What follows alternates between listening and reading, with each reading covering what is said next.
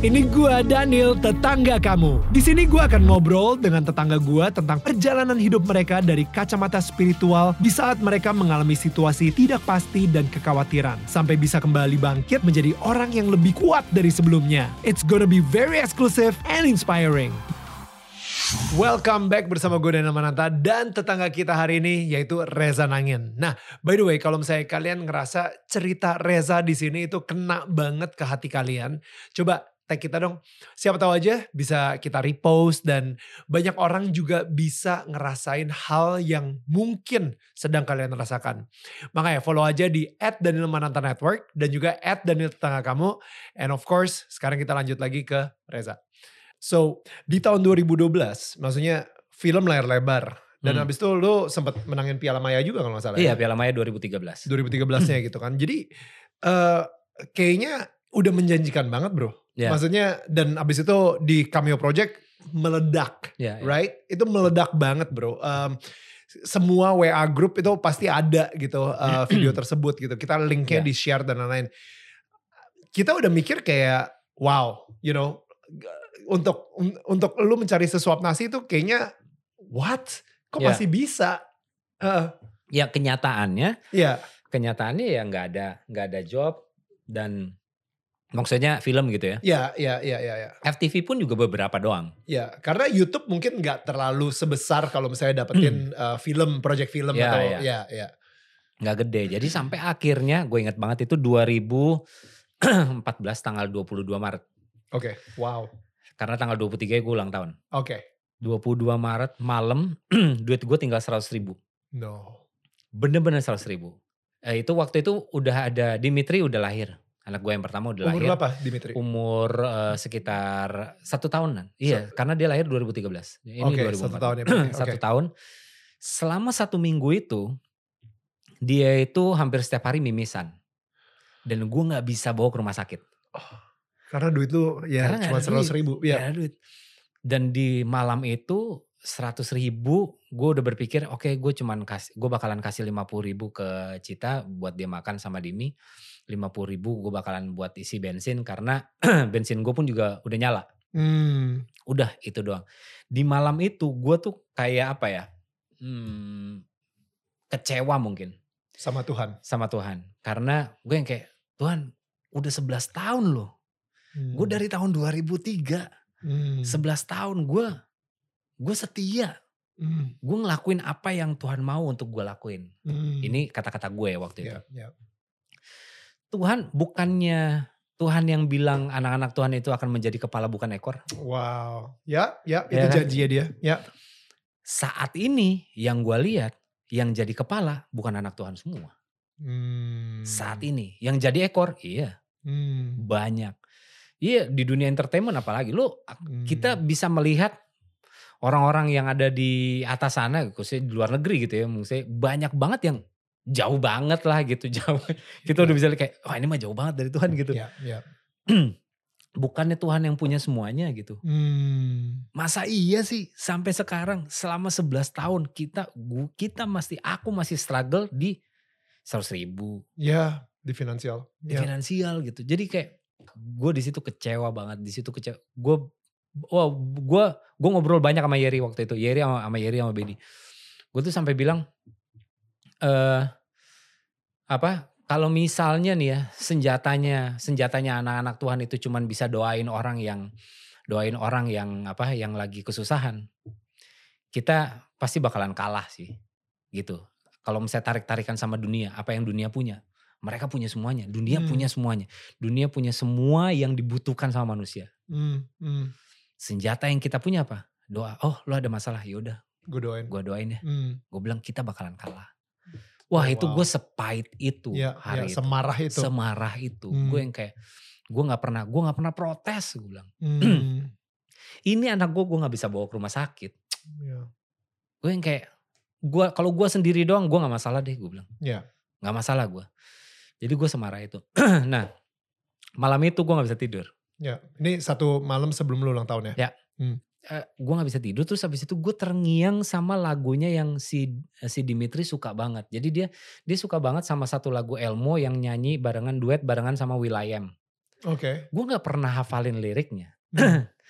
Tapi kedengeran kedengeran jelas banget kata-katanya. Oke.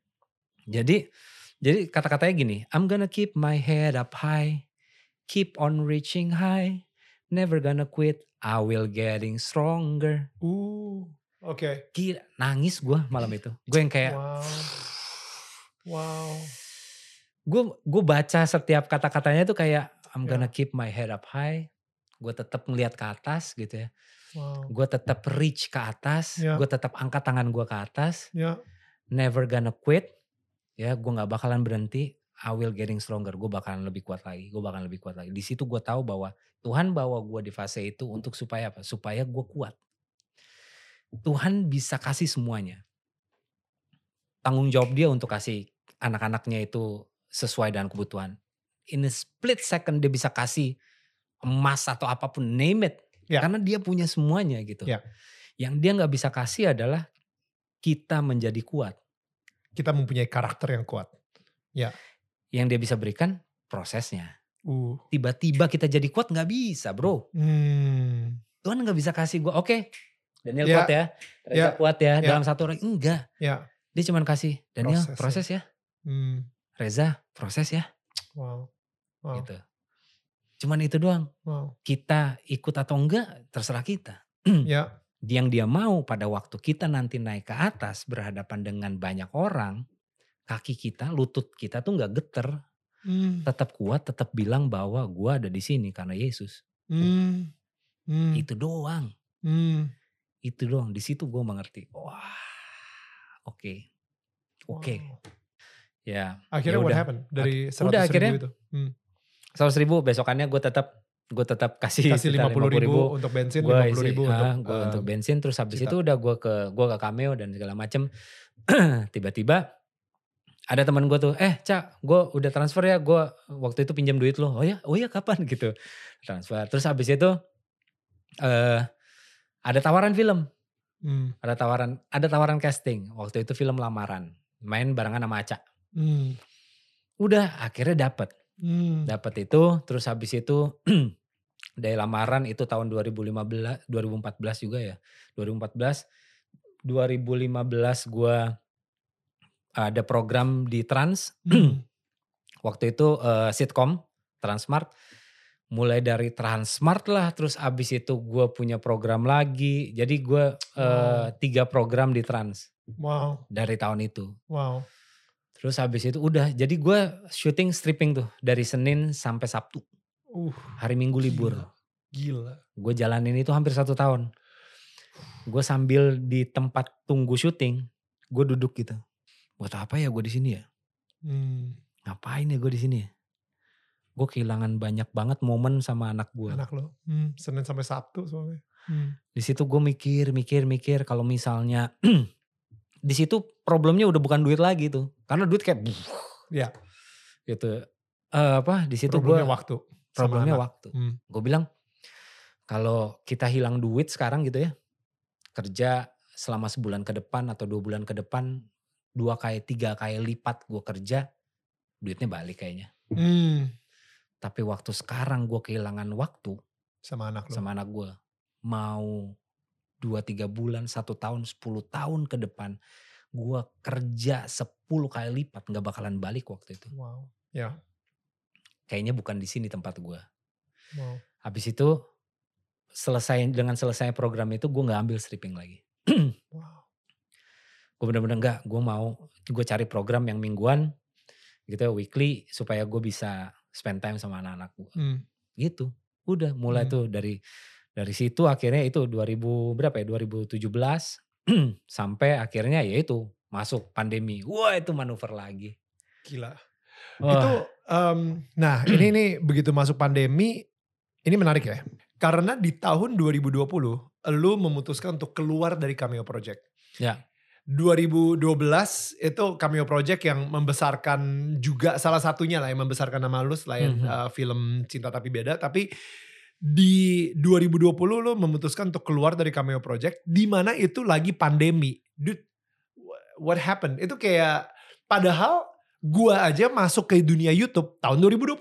nah artis-artis pada masuk semuanya ke di, Benar, di dunia benar. YouTube gitu. Tapi lu malah cabut. Kalau misalnya, jadi waktu itu tuh eh, kita tuh diperhadapkan, gua khususnya gitu ya, diperhadapkan dengan pilihan. Pada waktu itu kita tuh ada apa? Ada ada utang yang mesti dibayar. Karena karyawan nggak nggak nggak kegaji nih, nggak bisa kegaji. Hmm, Pas Jadi- pandemi nih ya. pas pandemi. Pilihannya adalah gua gua delusi saham gua. Gue jual saham gua untuk supaya Cameo punya punya itu lagi, punya Punya dana. punya dana lagi Hmm. supaya bisa gajian. Jadi bukan cuman gue doang pada waktu itu. Oh. Yang kita jual saham gua, Ibob, eh, Yosi juga. Oh wow. Sama Andri. Ya ya. Andri. Gitu. Jadi kita ya pilihannya cuman itu karena ka- cuman dua kalau misalnya kita nggak jual saham yang memang kita tahu udah ada investornya, Hmm. udah ada yang beli atau enggak ya kita chip in lagi. Hmm. Ya saat itu aja Iya, susah, udah struggling. Struggling Ya kan. ya ya. ya. Ya udah jadi ya pilihan yang pilihan yang pertama itulah yang kita ambil Supaya Gitu. bisa gaji operational untuk Ya. staff-staffnya yang lain. gitu. Nah jadi itu itu itu yang kita lakuin ya. Ya makanya sebenarnya ya ya nggak apa-apa juga sih karena eh kalau misalnya Jakarta terus habis itu jadwal kosong terus habis itu mereka mau kita syuting pasti bakalan syuting-syuting juga gitu. Jadi ah, ya. hubungannya tetap ada. Ya. Tapi ya secara bisnis sudah nggak bersama gitu Ya, aja. ya. Gitu. Oke. Nah, tapi tadi uh, lu sempat bilang bahwa masuk tahun 2019, masuk pandemi itu berat juga. What happened? Another manuver mungkin ya. Oke. Another manuver karena di masuk pandemi itu bener-bener semua pekerjaan tuh No. gue nggak tahu iya secara bersamaan tuh kayak TV kontrak habis semuanya. Ah, bener-bener nggak nggak ada lagi bener-bener nggak ada. Sampai akhirnya ditutup gue cabut eh, apa gue jual saham dari Cameo itu bener-bener kayak nol. Hmm. nothing. Wow. nggak ada lagi bener-bener nggak ada. Wah itu gue gua stres sih kita sampai akhirnya gue mikir kan kayak ya eh, gue pengen pindah ke satu tempat di mana gue bisa memberikan pilihan kepada anak-anak gue jauh pilihannya jauh lebih baik untuk mereka bertumbuh lah gitu tapi gue nggak berpikir untuk nggak punya kerjaan sama sekali gitu kan sampai akhirnya sampai akhirnya kita mesti jual rumah Oh no, di Kita- Jakarta. Iya jual rumah yang Jakarta. Kita jual rumah di Jakarta supaya kita bisa punya sesuatu kan untuk untuk hidup gitu. Ini Ya pas udah. pandemi nih. Ini pas pandemi. Oh damn. Dari awal 2020 kita jual rumah tuh. damn. Dari awal 2020 nggak laku-laku. Ya nggak Ya. laku. Orang gila ya jual. Orang nggak ada yang mau beli rumah juga pas pandemi. Iya, pandemi bener. Pada nyimpen cash. Heeh. Bener, bener-bener nggak nggak ada yang laku. Jadi kita bener-bener wah itu ngerayap bener-bener. Gue tuh sampai ada momen di mana gue sama istri gue di mobil di mobil ya, cuman bisa nangis doang berdua. Gue bilang kayak gue nggak tahu lagi gue mesti ngapain gue bilang. Gue gue bener-bener nggak tahu, gue bener-bener bingung. Gue pun juga gue pun juga ya gue gue kita doa apa yang apa yang mesti kita lakuin. Tapi ya ya silent aja gitu. Maksudnya kayak ya memang ya udah jalanin aja gitu. Ya. Tapi kok kayaknya berat banget gitu dan sampai akhirnya eh ya udahlah kita dengan dengan struggle-nya hidup ya tetap jalanin ya kita bisa ngerasain eh, pemeliharaan Tuhan sih luar biasa sih. Kita tetap masih bisa makan, Hmm. ya kan? Ada aja orang yang yang Endorse- kirim, endorse, kirim iya makanan kirim misalnya, makanan. Dan gue kan yang kayak oke, gue kan paling nggak bermain Instagram ya. Jadi Hmm. ya kalau misalnya ada Kareza DM gitu, mau dong eh, apa dipromoin gitu, bayar berapa? Gue bilang gak usah bayar, kirim aja makanannya supaya gue bisa foto, supaya bisa videonya. Ya itu banyak aja gitu, Ya. Wow. banyak. Terus habis itu temen juga yang kayak ya kirim dapat makan. Jadi Wow. kita nggak pernah nggak pernah kelaparan. wow. Jadi sampai akhirnya di awal 2000 2001 eh enggak, di akhir 2001. Bulan Desember 2001 2021. 2021 itu ada yang eh, ngelihat rumah dan suka. Oh my goodness. Dari 2020 lu pengen jual sampai akhirnya akhir 2021. jadi hampir dua tahun gue Ya, jual ya. rumah. Hampir hampir dua tahun. dan kita pikir kayak ya udah ini jadi momentum aja untuk kita untuk kita untuk kita pindah sebenarnya. Jadi eh dari dua tahun yang lalu ya, dari tahun 2019, 2018 tuh kita udah mikir kayak, "Duh pengen pindah nih," gitu. Maksudnya Gak mau di Jakarta lagi nggak mau gitu. di Jakarta lagi gitu. Eee, apa, pengen ya pengen lebih banyak spend time bareng sama anak-anak, memberikan mereka pilihan yang lebih banyak alamnya gitu. Hmm, Tapi kan kerjaannya masih di Jakarta, semuanya Betul. masih di Jakarta. Hal yang mustahil banget gitu untuk ninggalin itu sampai akhirnya masuk pandemi yang hmm. dan eh, rumah kejual ya udah deh kita jadiin momentum aja gitu. Ya Right. udah akhirnya itu eh, berjalan rumah kejual terus habis itu udah kita ya kita pindah. Wow. Dengan background lu sebagai anak yang orang tuanya Broken home. pisah, broken home lah ya. Dan lu sekarang ini mempunyai kayak keinginan banget untuk terus berada sama anak-anak lu. Hmm. Ini gue penasaran sih. eh gimana sih ceritanya sampai akhirnya lu pede untuk menjadi seorang ayah, pede menjadi seorang suami, di mana lu bisa ngeliat seberapa toksiknya em, hubungan orang tua lu, dan lu sempat dibuang sama nyokap lu ke oma opa. Eh, how? Like, eh, lu di mana bisa mendapatkan keberanian untuk memulai keluarga baru dan sekarang ini mempunyai dua anak gitu. Hmm. Bagus banget lagi pertanyaannya. Makasih. apa gua mungkin karena dasarnya adalah gua nggak mendapatkan itu dari orang tua gua jadi gua pengen memastikan anak-anak gua mendapatkan itu Hmm. gua nggak pernah mendapatkan kehadiran orang tua gua Hmm. mereka ada tapi nggak hadir Hmm. gitu Hmm. ya kalau bokap gua nggak tahu gitu gak ada dan gak ada. bokap gua hadir Hmm. di rumah orang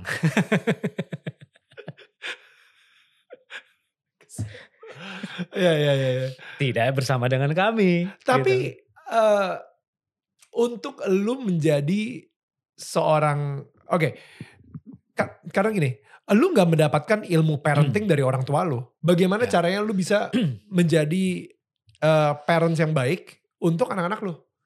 Nah itu dia. Jadi gue tuh karena karena gue nggak tahu bagaimana caranya jadi orang tua. Setiap orang tua itu kan belajar parenting itu dari orang tuanya kan. Ya. Jadi secara default lah itu. Itu udah default banget.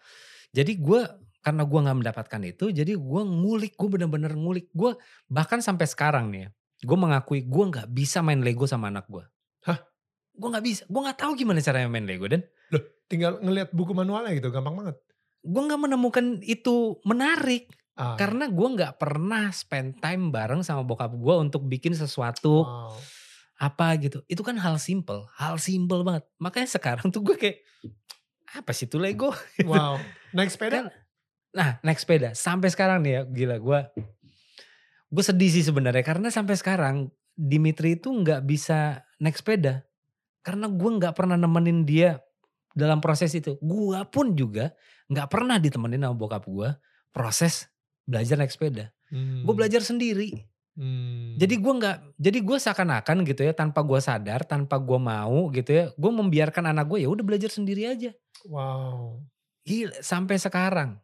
Tapi untungnya ya untungnya yang lainnya dia bisa lah gitu. Hmm. Tapi ya sepeda belum gitu. Iya, iya. Dan Ya, gue pas banget lagi nanya yang sepeda gitu, Yes, sorry. Hmm. Karena kan itu itu hal yang It's a ya father. cowok Iya, banget. Iya, iya. sepeda, berenang, Ya. main-mainan, robot-robotan, Hmm. nggak ada, nggak ada. Jadi gue mesti gue mesti cari cara sendiri untuk gue gue belajar sendiri, gue uh, apa Extra effort ya. extra effort Ya. untuk gue menghabiskan waktu bersama bermain bersama anak-anak gue. Wow.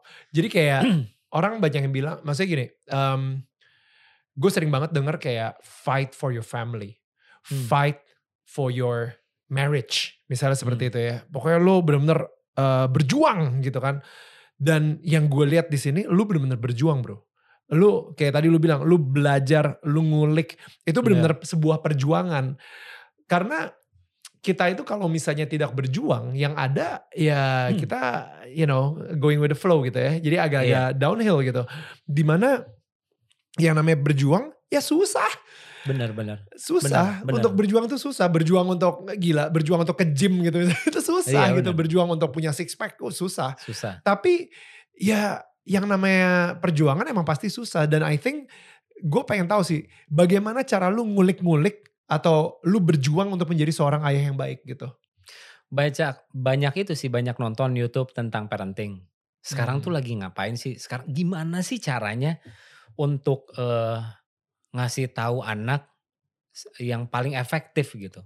Hmm. Gitu. Gimana sih? Oke, tumbuh kembang anak tuh apa sih gitu. Apa itu emang tumbuh kembang? Jadi eh, 0 sampai 6 tahun itu adalah golden age-nya mereka. hmm. di mana perhatian eh, apa ya semu- 100% yang orang tuanya lakukan itu pasti akan diikutin Hmm.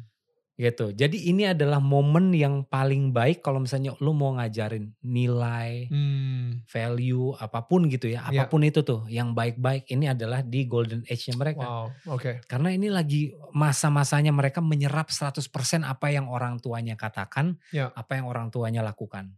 Ya, ya. Gue belajar di situ. Wow. gue cari tahu, gue tanya sama orang. Oke di situ. Terus abis itu eh tantrum, tantrum tuh apa sih? Hmm. Tantrum itu punya tiga fase. Gue pun juga baru Gue tahu. baru tahu ada. Lo Oke. Jadi kalau misalnya anak 2 sampai 4 tahun kan kita selalu dengar, oh ini anak nangis mulu lagi tantrum nih Ya, gitu. ya. Tantrum itu kan sebenarnya kan mereka belajar untuk memvalidasi emosi mereka kan. Oke. Jadi waktu mereka lagi marah, ya marah Hmm. gitu. Kalau misalnya sedih ya nangis. Ya. Jadi jangan lagi lapar, marah, teriak. Hmm. Kalau misalnya lagi lapar ya udah lo ngomong gitu. Nah kalau Hmm. misalnya mereka lagi nangis gitu ya, jangan di distract. Eh apa tuh pesawat? Hmm. Biarin mereka mengalami emosinya mereka, Ya, bahwa lu mengenali, lagi sedih sekarang menga- ini. menga- eh, mengalami emosinya mereka, mengenali, eh, Merasakan, ya. merasakan. Jadi jadi enggak, jadi jangan sampai kalau misalnya kita zaman dulu ya, jangan nangis ah anak cowok masa nangis sih? Ya. Enggak apa-apa nangis, enggak Hmm. apa-apa. Nangis itu adalah ya emosi Ya, gitu. Marah pun juga emosi dan emosi ini netral ya. Ya. Netral, enggak bukan positif, bukan negatif. Hmm. Jadi bahkan sekarang gitu ya banyak dari kita yang kalau misalnya nangis tuh langsung diusap gitu. nggak boleh nangis, nggak boleh nangis. nggak Ya. apa-apa nangis. ya, ya, Nangis sambil ketawa ya, gitu. ya, Gue gak tahu nih kenapa nangis tapi ketawa gitu. Ya. Karena kita nggak memvalidasi emosi kita dari kecil gitu. Jadi kita nggak tahu bagaimana kita nggak tahu bagaimana mengatasi emosi kita waktu waktu datang. that's good, Kita nggak tahu waktu kita ngerasa kecewa apa yang harus kita lakukan ya. that's good, ya, Jadi banyak yang melakukan hal-hal yang negatif jadinya. Ya. Karena mereka merasa asing dengan emosinya. Ya. Nah, fa- tantrum fase pertama itu mesti beres. Mereka Hmm. mesti melewati itu dengan selesai Hmm. anak-anak. Karena kalau enggak ya mereka pasti bakalan eh, apa secara emosional nggak bakalan nggak Ya. uh, naik turun tuh. Ya. Bakal naik turun. Nah, fase pertama stabil kalau ya, iya nggak stabil. Kalau fase pertama nggak selesai, tantrum fase eh, apa mereka akan Fase kedua, makan bakalan meledak di fase yang kedua. Itu waktu mas umur 13 14 tahun. oh my goodness, Waktu kita teenage. puberty, ya, 13-14 tahun makanya banyak tiba-tiba yang kayak ini kenapa sih ini anak gue nih udah masuk teenage kayak Hmm. gue pusing banget mikirnya gitu. hormonal lah gitu. hormonal ya itu mereka lagi tantrum Hmm. tantrum satu dan dua nggak selesai bakalan pecah bareng di tantrum ketiga di umur 27 tahun 27, Makanya spesifik banget. lu pernah denger 27 Club nggak Gak pernah gue. banyak artis-artis Amy Winehouse terus habis itu Kurt Cobain mereka meninggal di umur 27 Bunuh diri di 27. Di umur 27 di mana mereka lagi tantrum, mereka nggak tahu apa yang mereka rasakan karena satu fase satu fase duanya nggak selesai, itu meledak di umur 27 di saat mereka lagi ada di atas dan nggak ada orang, nggak ada Oh. siapa pun di samping mereka yang bisa bilang it's okay, Wow. wow. kamu berharga di mata Tuhan, Hmm. nggak ada bunuh diri bro, Hmm.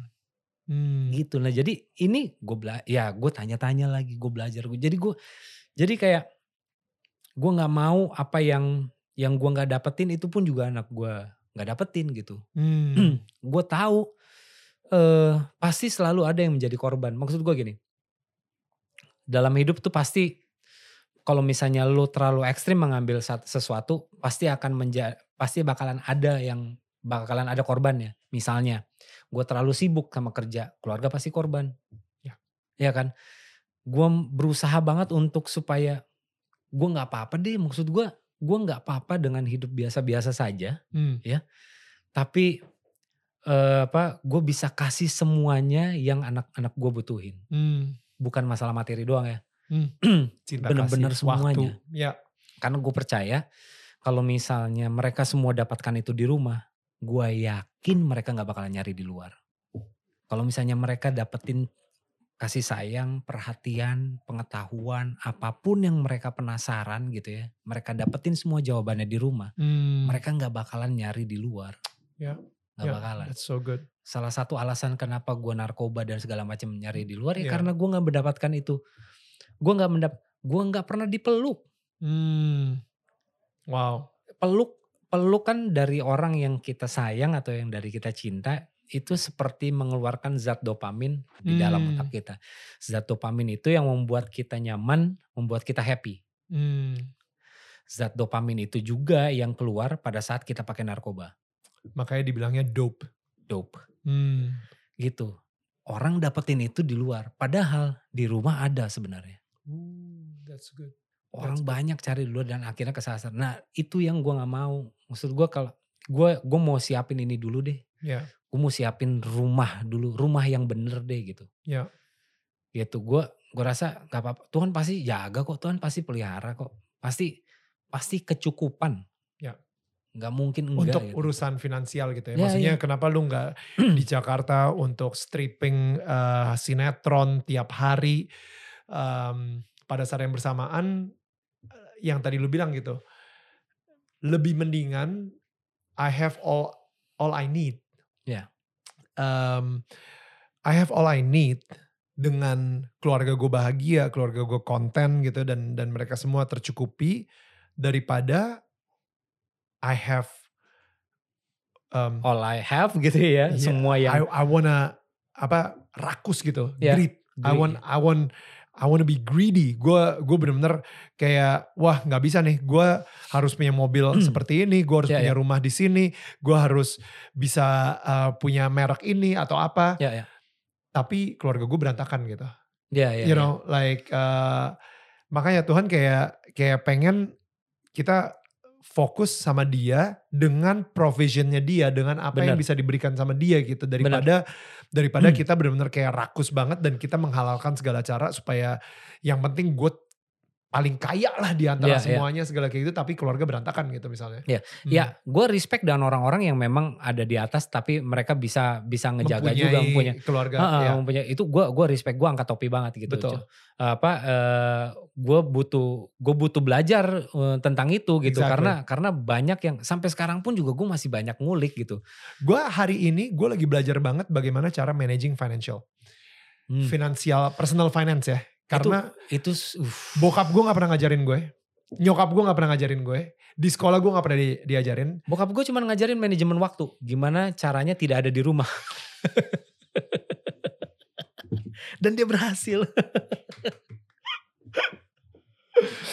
Iya iya iya iya iya. iya. Gitu. Ya, terus lanjut. Gak manajemen waktu. Gak men. Bagaimana menjadi ninja. Bush. Mana ya Mana gitu. gue ya? Presiden tadi baru masuk WC, kenapa kenapa WC jendelanya kebuka?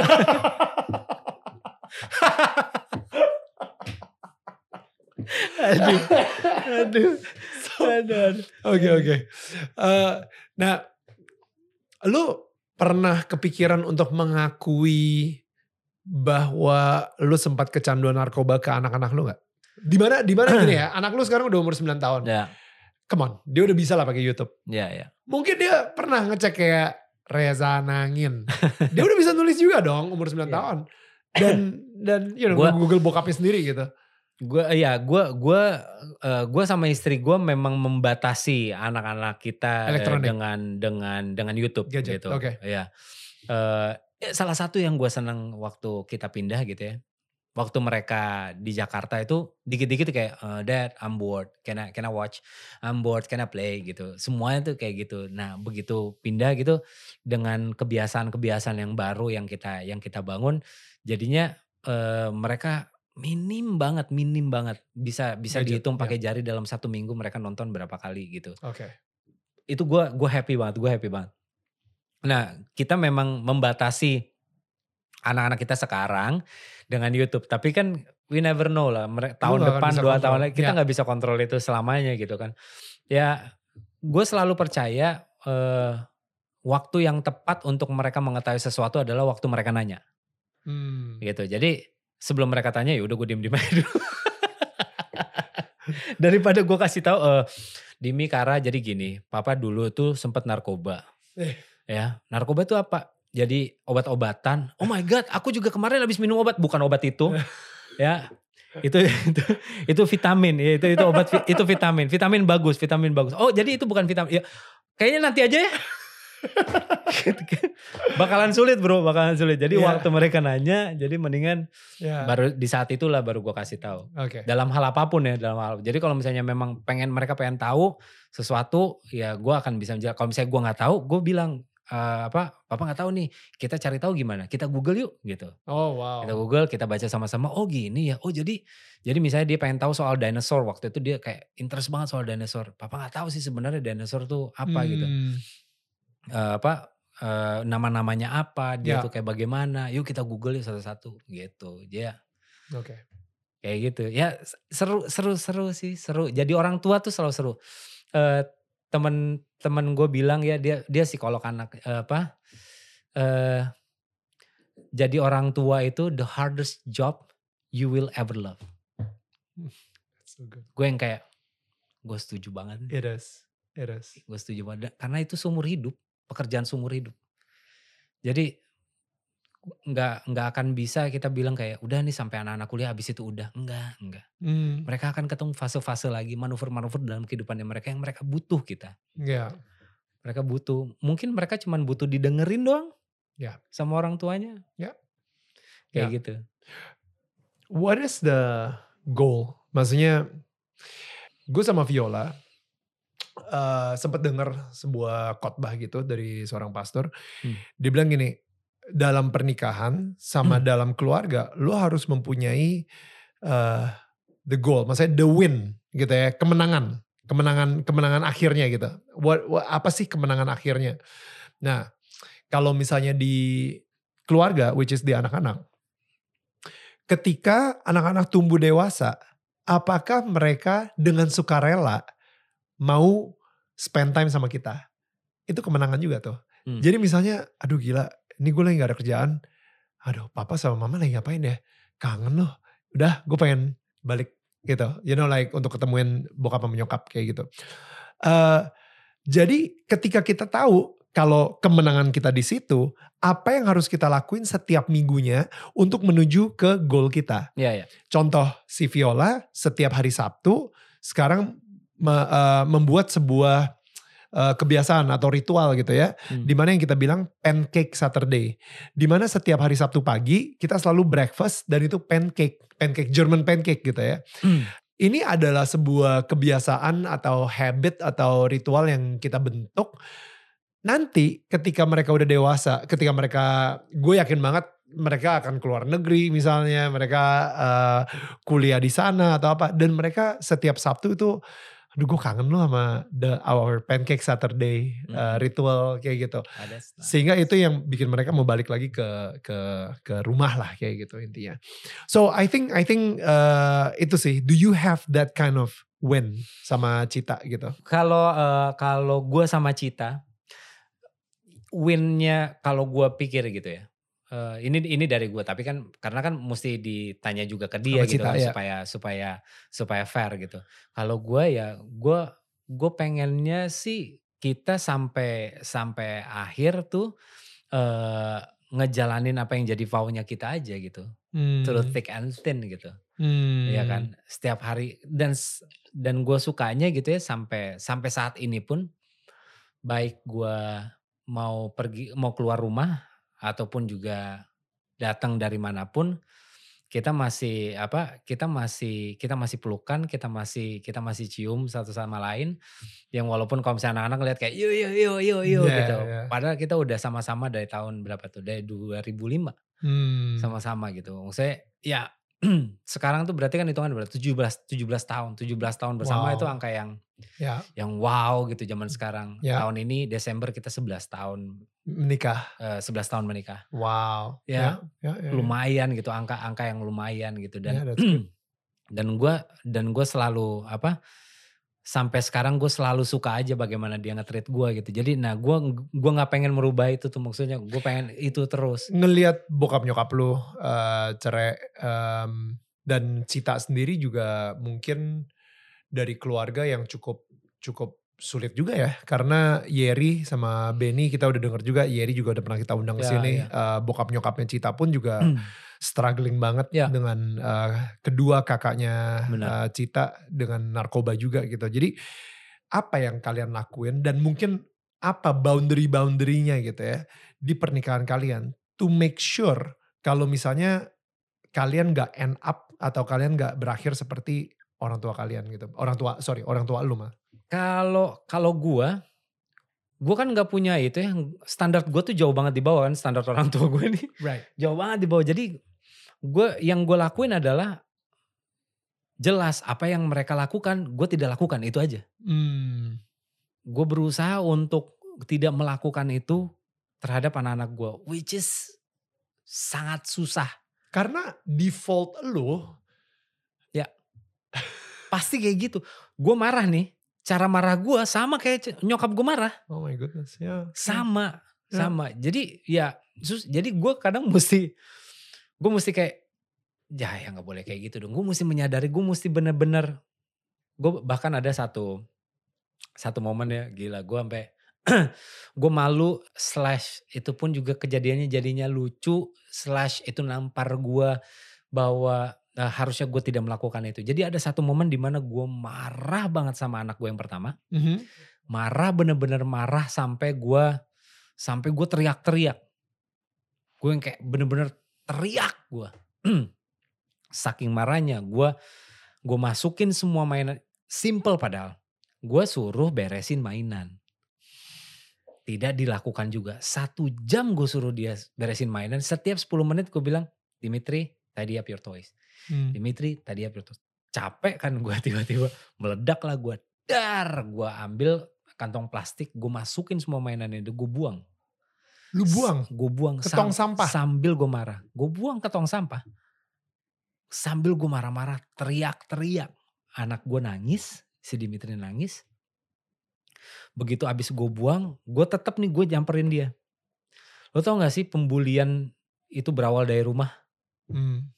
Karena anak kita kan kecil ya, kita kan besar. Jadi anak Lo... mungkin gak ngerasa dibully di luar. Mereka dibully itu di awalnya pasti dari rumah. Dari orang tuanya sendiri. Dari orang tuanya sendiri. Wow. Itu yang gue lakukan ke anak gue. Gila gue parah banget.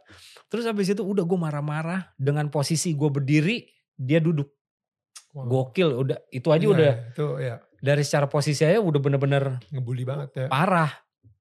Istri gue, dia sambil peluk istri gue, istri gue pun juga karena dia tahu gue lagi marah jadi pun juga dia diam gitu ya. karena kan pasti tuh begitu udah selesai pasti dia langsung ngomong tuh. Nah anak gue nih yang kecil nih Kara masih umur 2 tahun, 3 tahun apa, baru mau 3 tahun. Oh lagi marah-marah kayak gitu, tiba-tiba dia nyolek kaki gue. Dia masih se sedengkul gue. Hmm, hmm. Nyolek-nyolek. Pah, pah gitu. Gue lagi marah-marah nih, gue lagi teriak-teriak. Pah, pah, apa karena gue gitu. Terus kalau lagi emosi. Terus dia bilang gini, dia masih kecil. Kelar gak hidup lo? Oh my God. Kelar bro. Itu langsung yuk apa yang gue lakukan barusan? Oh my goodness. Gue yang kayak, gue mau bikin dia kayak bagaimana lagi sih? Dia udah nyesel, dia udah nangis, dia udah menyesali perbuatannya dengan tidak beresin mainannya dia. Mainannya dia, bukan mainan gue. Mainannya dia kan. Ya. Terserah ya. dia sebenarnya. Ya, ya. Dia mau beresin atau enggak. Ya, ya, ya. Dia atau dia mau beresin kapan gitu. Ya itu bener-bener kayak wah itu nampar gue bener-bener keras banget. Tak. Dia colekan ini nih. Ya. Ah dia masih kecil. Wah gue yang kayak kita lupa ya kadang-kadang ya. Kita nge-treat dia itu kayak kita punya ekspektasi sama anak kita lu harusnya udah lebih seperti ini gitu. Padahal dia masih umur 7 tahun apa? Iya yeah, of course. Gak mungkin lah anak umur, tahun. come on. You know. 7 tahun dia dibilangin oke okay, iya iya oke okay, oke. Okay. Iyalah. Tiba-tiba ngelihat apa kan ya ini eh, udah, udah, lupa. Iya udah lupa. Iya iya iya. Gitu. Gila. Yeah. Tiap yeah. hari yang gue pikir gue tahu gue udah belajar banyak gue udah nanya psikolog anak gue udah baca gue udah nonton YouTube gue udah tahu soal tantrum gue tahu tumbuh kembang anak golden age gue tahu Ya. tetap aja gue gagal ada hari-hari di mana gue gagal course, Of course. and it's okay Ya, ya. yang penting perbaiki lagi aja gitu. Responnya gimana? Lu ketika ketika lu kayak gitu, lu lu pernah nggak minta maaf sama anak lu sendiri? gue sering banget gue minta maaf wow. Sering. kayak tadi tuh yang pas lu Iya. buang mainannya segala kayak Abis gitu. itu udah gue duduk gue minta maaf gue peluk dia wow. I'm sorry I'm sorry I yell at you wow. Wow. aku papa harusnya nggak kayak gitu gitu gue gue sering banget gue minta maaf Ya, itu karena sebagai seorang ayah, kita pengen terlihat sempurna, Bro. Hmm. Untuk minta maaf, itu kayak kita mengakui kalau kita tidak sempurna. Ya, itu ya. susah banget. Ya. Kayak lu lu suatu saat harus ngomong sama anak-anak lu kalau misalnya lu dulu pernah kecanduan narkoba, itu susah, Bro. It's hard. Iya itu itu itu su- ya memang itu nggak gampang. Itu nggak gampang. Tapi gue rasa gue bakalan eh, nggak akan sesusah itu untuk gue ngomong. Karena gue cukup gue cukup open. Gue gue bisa ngomong apa aja sama anak-anak gue Hmm. gue bisa gue kita bisa karena kita terbiasa budaya emang saya terbiasa untuk ngebahas sesuatu. Hmm, ya. gitu. Di, di untuk keluarga lu di- nih ya, eh, ngulik sesuatu ngomong komunikasi ngomong apa lah. aja komunikasi itu kita udah kita kita melatih itu hampir setiap hari untuk ngomongin hal yang sudah pernah gue lakukan gue nggak akan sulit Hmm. nggak akan sulit karena ya gue bisa jadi gue bisa bilang bahwa ini ini gue tapi eh, apa pasti Dimi sama Kara akan punya jalannya Hmm. masing-masing akan ada keputusan-keputusan yang akan kalian lakukan gitu Hmm. itu kayaknya nggak bakalan sulit. Yang sulit adalah ngomongin tentang ngebahas bahwa dalam dunia ini ada orang-orang juga yang punya keputusan yang sedikit sedikit kreatif gitu. Maksud gue, Oke, apa? maksud gue gini, kayak gini deh. Eh, gue kan lagi into tennis banget gitu ya. Ya. Sekarang tuh lagi tennis banget lah. Jadi setahun setahun terakhir itu kita kayak gue sama istri gue tuh tennis lah, sama Yeri juga Oke. kita suka ikut turnamen di di di Bali terus habis itu turnamen kecil lah gitu. Nah, ada ada apa? Ada teman kita yang ikut turnamen juga eh transgender, Tapi- Hmm. tapi ikutnya turnamen eh, cowok kan. Karena kan ya Right. karena kan Right. Nggak fair lah kalau Iya, misalnya gitu. ya. nah, di situ Dimi ngeliat oh, kalau misalnya turnamen di sini ada mix single gitu. Jadi gue yang gue nggak bisa gue nggak bisa jelasin apa jadi gue yang kayak ya ya memang mix sih Iya kok ya memang mix kan cuman kan gue nggak gue gimana ya gitu gue tuh sampai gue ini jadi pembahasan gue sama Cita juga gimana caranya kasih taunya gitu Maksudnya Menjelaskan soal menjelaskan soal LGBT. Iya soal Ya. soal LGBT gitu. Gue gua nggak gue nggak gue nggak membenci atau gue nggak menolak atau gue nggak apa ya gue nggak mendiskreditkan orang-orang yang punya keputusan itu gitu. Cuman cuman kan gue menjelaskan ke anaknya iya itu. gue ngasih tahu bahwa bahwa di selain dari rumah kita ataupun juga lingkungan rumah kita ternyata banyak eh, banyak orang juga yang punya keputusan yang berbeda-beda gitu Apalagi di Bali ya men. di Bali apalagi gue gue sama istri gue pun juga bahas gimana ya cara ngasih taunya ya Bro, gitu Apalagi em, di film-film Disney ya. Ya mereka kan selalu selipin kan Selalu Mereka- selipin. Maksudnya eh, ini mungkin udah jadi rahasia umum banget dan gua sebagai orang tua ketika ngobrol sama teman-teman gue yang parents juga gitu ya. Kita selalu satu hal yang ketika udah mulai topiknya ke arah LGBT gitu ya, kita bilang balik lagi ke Disney gitu. Dari mulai Beauty and the Beast. ya Abis itu mulai, eh, abis itu sampai akhirnya si Buzz Lightyear. Buzz Lightyear Ya kan. Um, Oh, honest, sepersekian detik doang sih katanya ya sepersekian detik. Gue belum nonton tuh biasa. Cuman kayak um, abis itu belum lagi kayak di film uh, Eternals yang Marvel gitu ya. Ya. Um, sama film apa ya? Uh, Doctor Strange juga yang terakhir.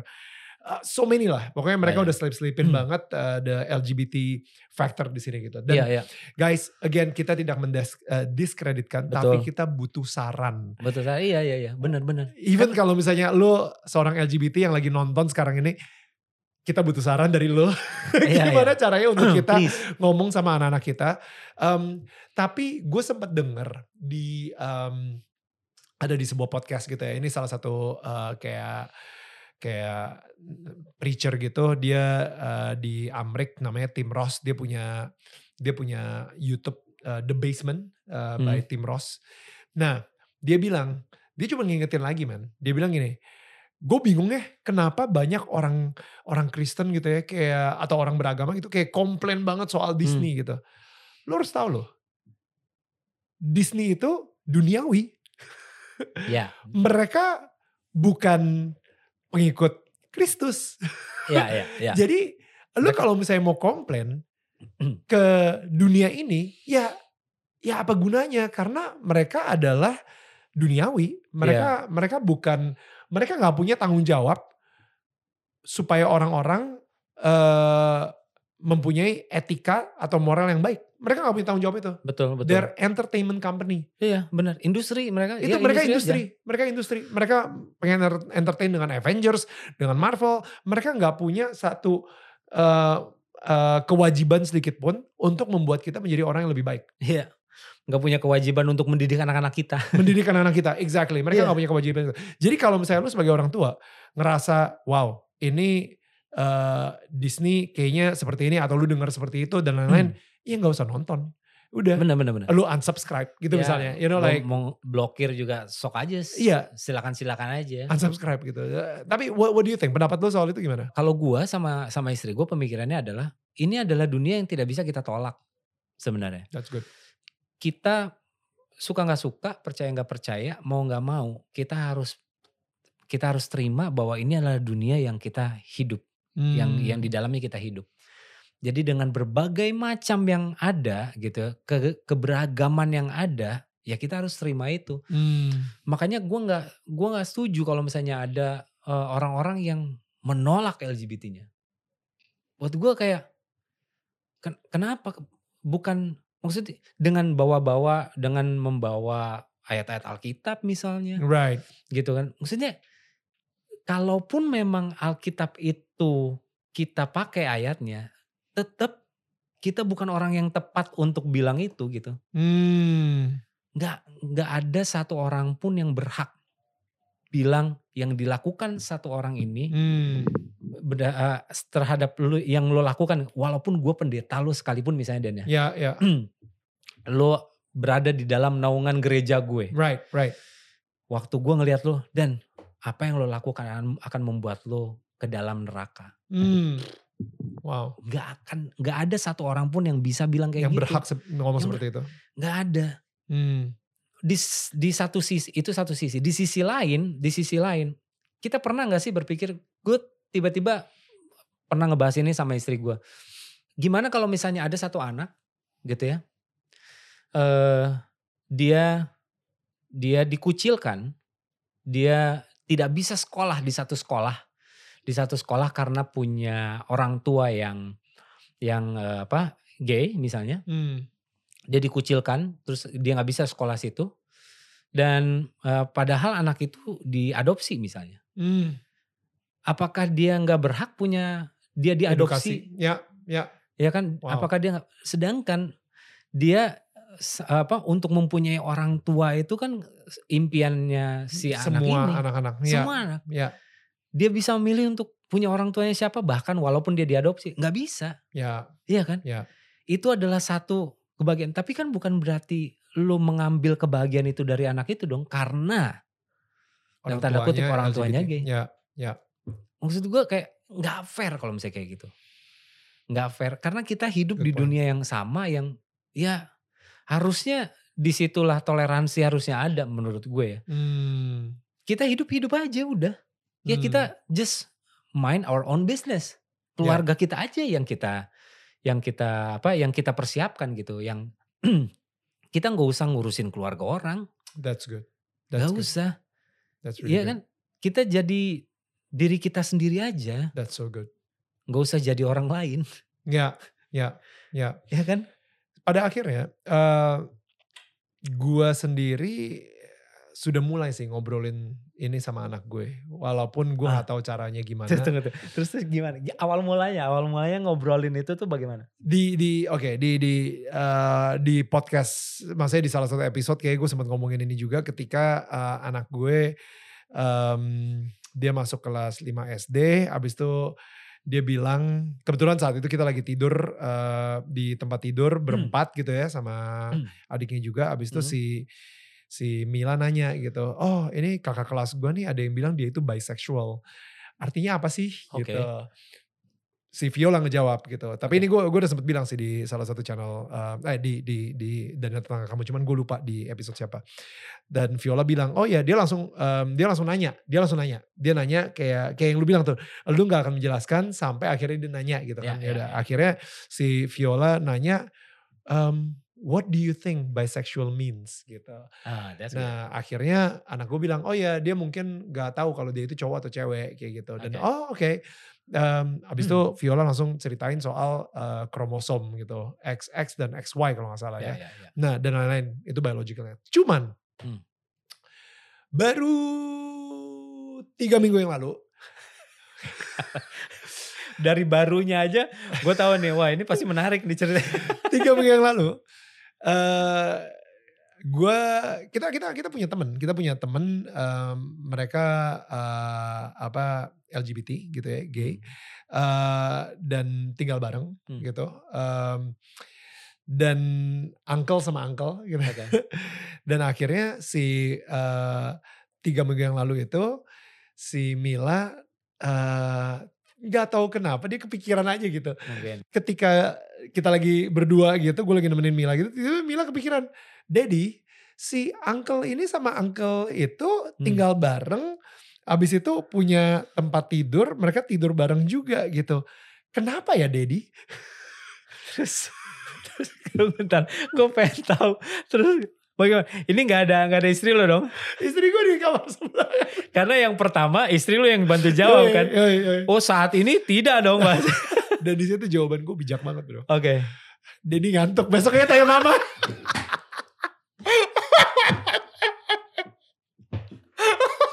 Kurang kurang ajar.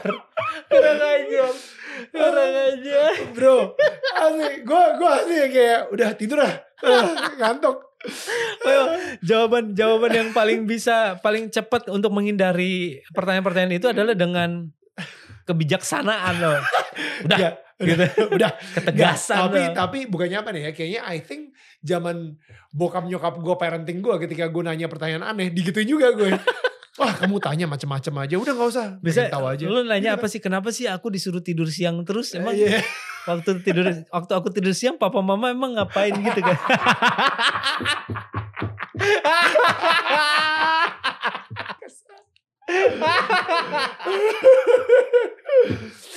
tapi akhirnya besok paginya gue gue bilang lagi gue bilang kayak misalnya eh, ah Viola.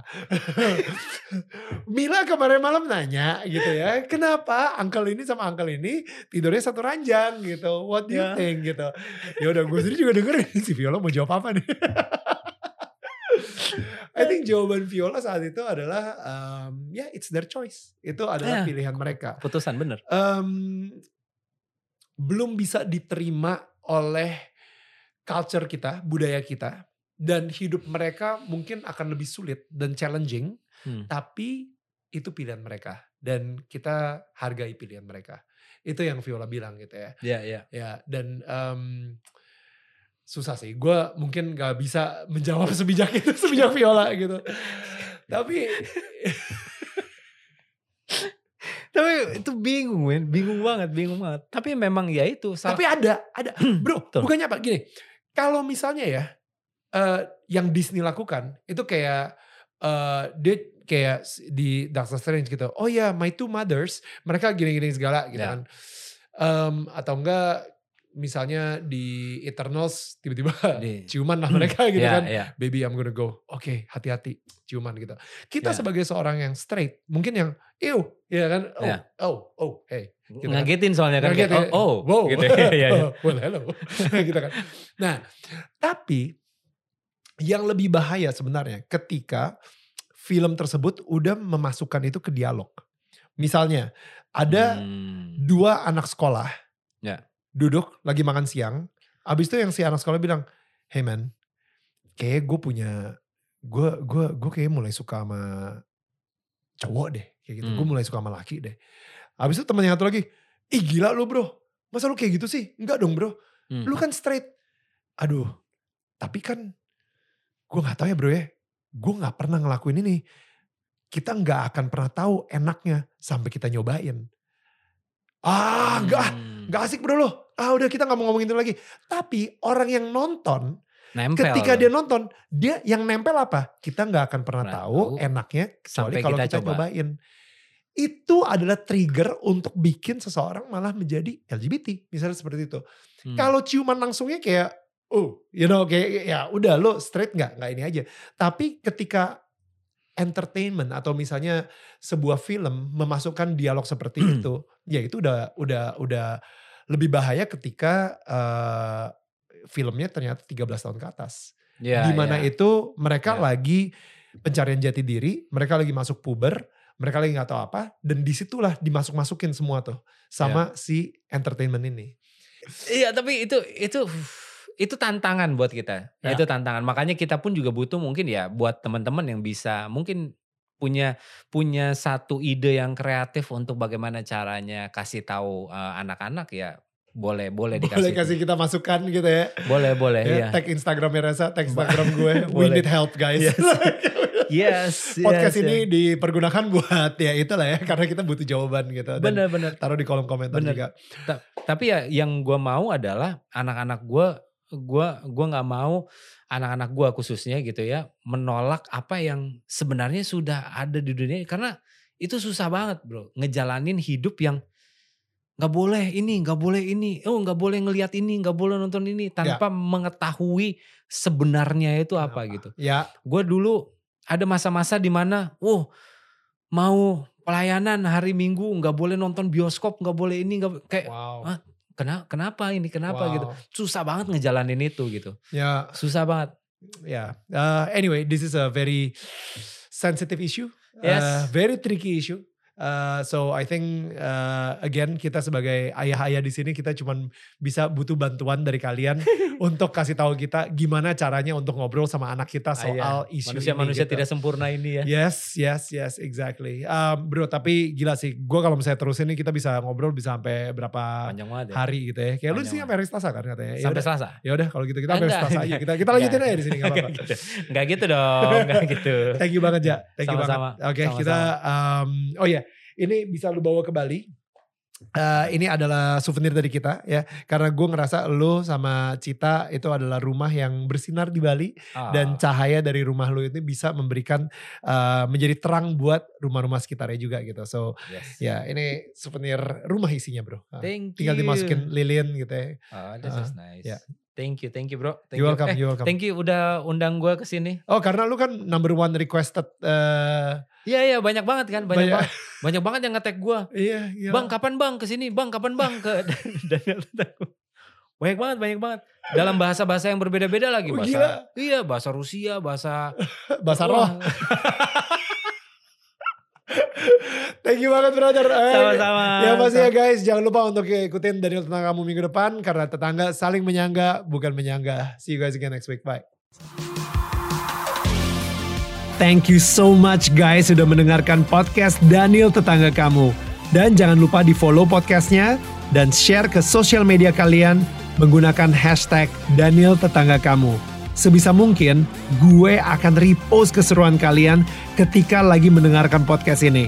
Kalian juga bisa menyaksikan Daniel Tetangga Kamu setiap hari jam 4 sore waktu Indonesia bagian Barat di channel YouTube Daniel Mananta Network. Karena setiap minggunya akan ada sosok-sosok inspiratif yang akan menceritakan perjalanan hidup mereka dan hubungan mereka dengan Tuhan. Sampai ketemu minggu depan.